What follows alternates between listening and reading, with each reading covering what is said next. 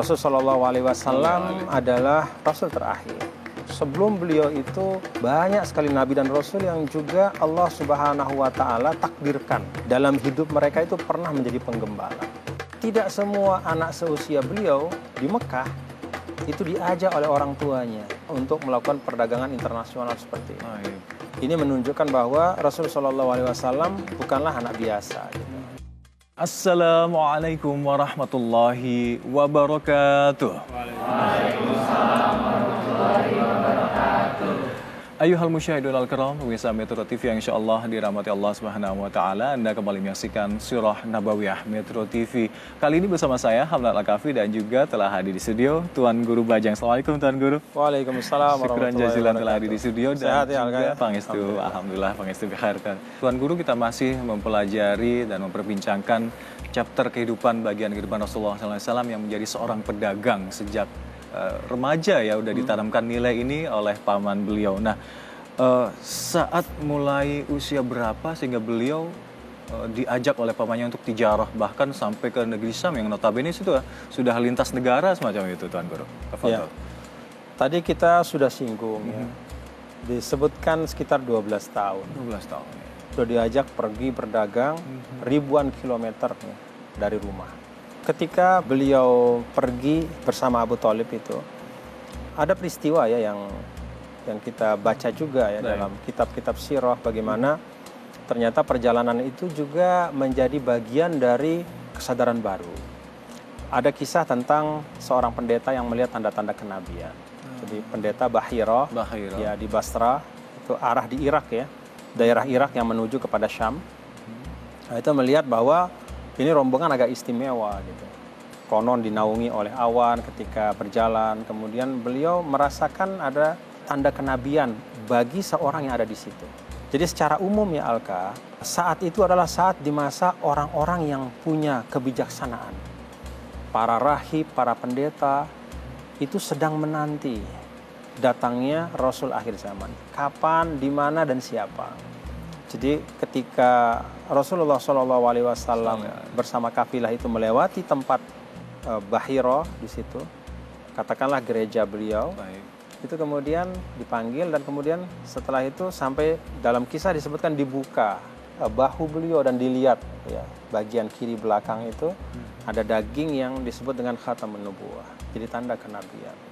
Nah setelah itulah kemudian dalam kisah itu disebutkan Bahiro berpesan hati-hati dengan anak ini artinya jangan dibiarkan dia sendiri banyak orang yang menantinya, banyak juga orang yang tidak suka dengan dia. Nah ini yang eh, menurut sebagian ahli sirah, Rasulullah SAW saat itu sudah mengerti. Maka itulah pertama kali beliau mendengar. Ya. Kalau sebelumnya kan beliau sangat dicintai nih, mendengar kata-kata baik terus kan, dicintai di dalam lingkup keluarga beliau gitu. Tidak pernah mendengar kata-kata yang seperti itu dari pamannya, bibinya dan semua. Dari ibundanya juga ketika beliau masih, sangat kecil belia ya. tiba-tiba mendengar ini anak banyak yang benci yang nggak suka sama dia.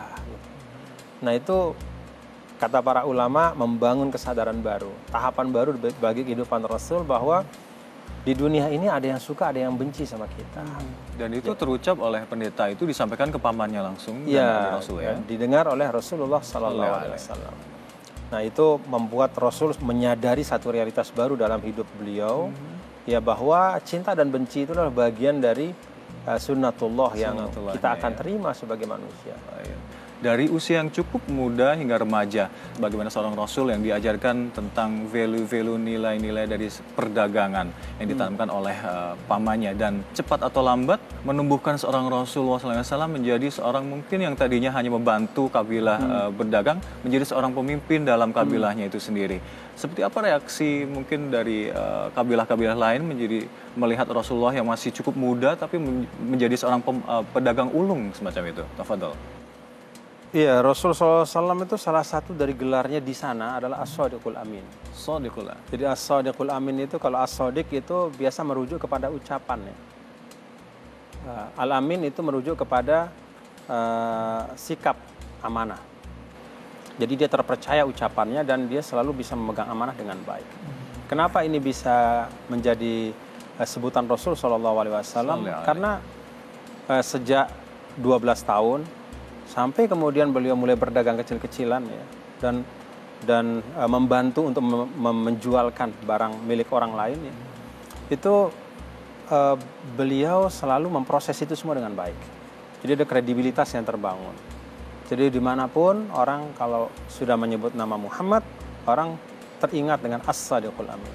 Jadi uh, ini terbawa ya sampai bahkan masa-masa uh, ketika Rasul Shallallahu Alaihi Wasallam sudah menjadi nabi dan rasul itu ada keseganan dari orang Quraisy ya untuk melawan terang-terangan karena mereka tahu betapa kredibelnya gitu, betapa kuat integritasnya sosok yang namanya Muhammad ibni Abdullah.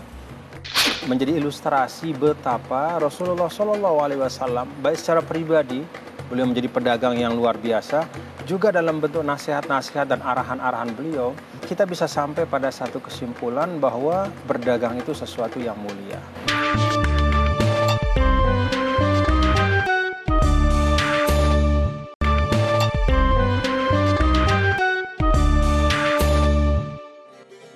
Nabi Muhammad dikenal sebagai pedagang yang amanah di lingkungan masyarakat Arab. Hal itu disebabkan oleh sifat dan cara berdagang Rasul yang mengedepankan kejujuran dan selalu menghormati setiap pelanggan. Wujud nyata sifat kejujuran Nabi Muhammad ketika berdagang adalah terbuka dalam urusan kepemilikan modal, laba, dan kualitas barang dagangannya. Keteladanan itu yang mengantarkan Nabi Muhammad mendapatkan gelar Al-Amin atau kepercayaan. Tuan Guru, kali ini kita masih membahas bagaimana seorang Nabiullah Muhammad SAW menjadi seorang pedagang yang penuh amanah. Nah, berdagang itu sendiri atau konsep tijarah dalam Islam dipandang seperti apa, Tuan Guru? Bismillahirrahmanirrahim. Assalamualaikum warahmatullahi wabarakatuh. Alhamdulillah, wassalatu wassalamu ala rasulillah wa ala alihi wa sahbihi wa man wala. Kalau dilihat di dalam Al-Quran ya, kita bisa mendapatkan lebih dari 10 ayat yang di dalamnya itu uh, ada kata baik, penjual atau membeli. Kalau tidak salah dalam 15 tempat gitu.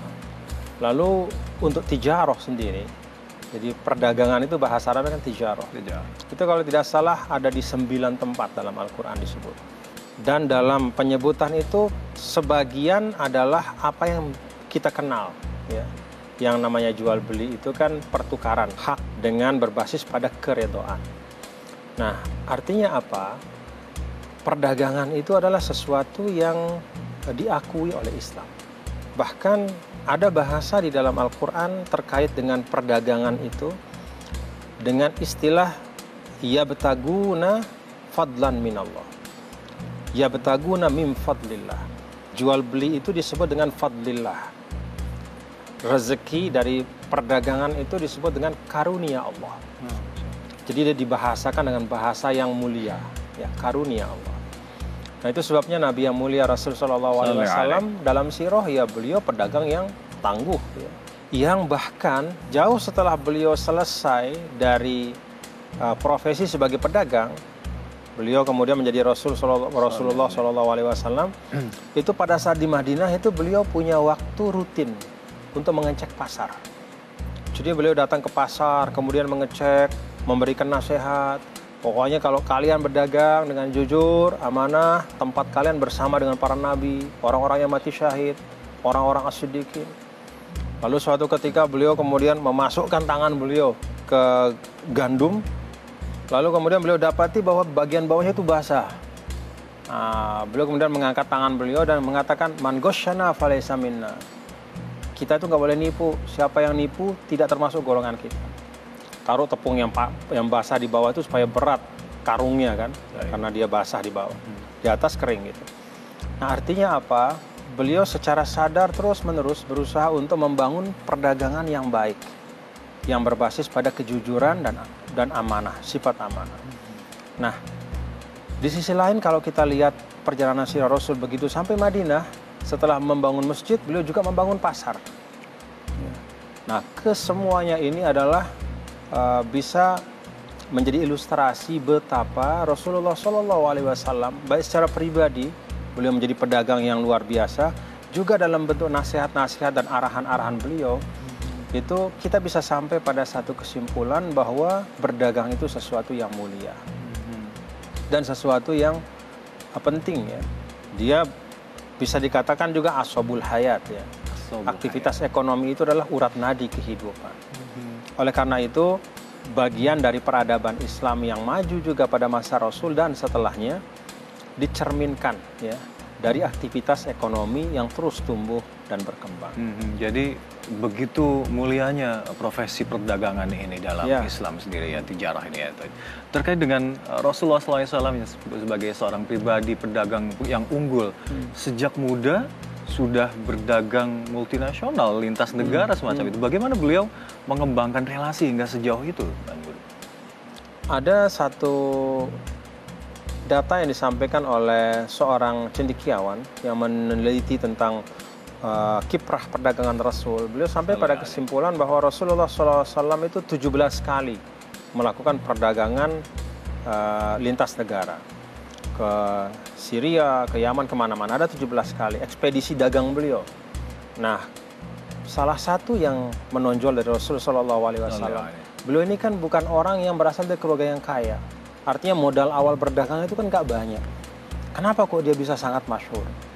Jadi beliau itu memang punya sesuatu yang tidak bisa tertandingi yaitu kredibilitas.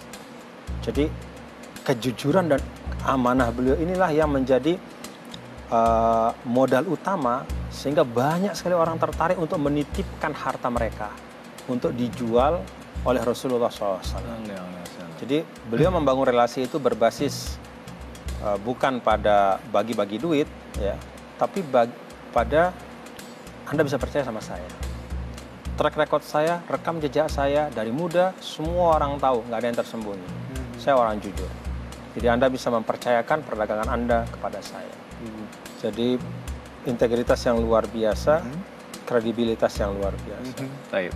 Semoga kita bisa memaknai uh, modal utama dari seorang Rasulullah SAW dalam konsep berdagang Dan itu sangat mungkin diaplikasikan dalam kehidupan sehari-hari kita ya. Baik, Tuan Guru, kita akan kembali untuk Anda usai jeda berikut ini. Tetaplah bersama kami di Surah Nabawiyah Metro TV. Interak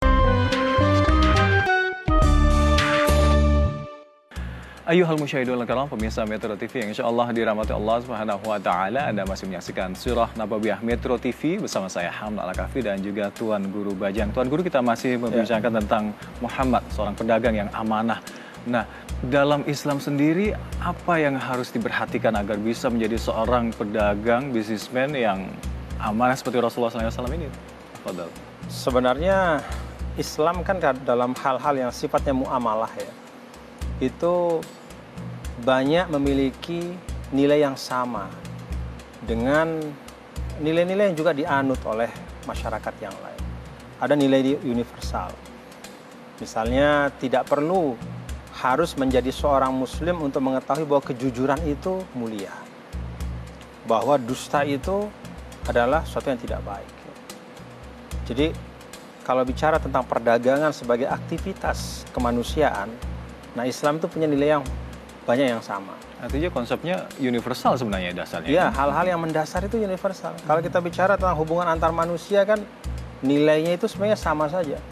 Yang mana, yang mana dikatakan baik berdasarkan pada uh, fitrah kita ya, pada akal budi kita itu sama dengan yang lain.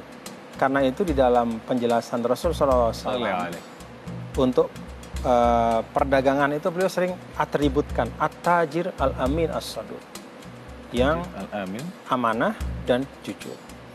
Jadi kalau ditanya kira-kira nilai apa sih yang paling penting? Ya jujur dan amanah. Yang kedua ada beberapa hal yang sifatnya operasional. ya. Misalnya Rasul menyampaikan rahimallahum ro'an samhan ida uh, ba'a samhan ida shtaro samhan ida qadha samhan ida qadha. Allah merahmati orang yang punya samahah, kelapangan dada di dalam menjual, di dalam membeli, di dalam berhutang dan di dalam membayar hutang. Apa gambaran dari samahah itu? Samahah itu tercermin dari bagaimana kita berinteraksi. Dikit-dikit memaksakan kehendak, kemudian dengan wajah yang tidak ramah. It- bukan begitu. Jadi samaha itu adalah kelapangan hati yang tercermin dari cara kita, adab kita. Tabasam juga senyum gitu Ah, ya. termasuk misalnya istilah pelanggan adalah raja misalnya. Ya, orang yang datang itu dilayani dengan baik dan ketulusan. Itu bagian dari samaha. Itu itu lebih kepada interaksi langsung operasional. Baik, baik. Lalu juga ada musawamah. Ya, musawamah itu eh, kalau bahasa kita tawar menawar. Itu biasa dan itu diakui oleh Islam. Tentu dengan cara yang wajar dan baik. Kemudian ada juga satu hal yang menarik ya yang diambil oleh para ulama dari ungkapan Rasul zin warjah, timbang dan lebihkan. Artinya apa? Kalau kita misalnya sebagai pedagang bisa melebihkan sesuatu untuk sang pembeli, itu alangkah bagusnya. Masya Allah. Ya, Ini bukan wajib ya, bukan sesuatu yang pokok, tapi ini bagian dari bagaimana Anda akan dicintai juga sebagai pedagang gitu. Ya. Bisa dimasukkan dalam sistem promosinya semacam itu ya. Ya, Pak jadi ini ya. ternyata dalam praktek Rasulullah SAW beliau perhatikan juga. Kalau kamu bisa lebihkan, lebihkan.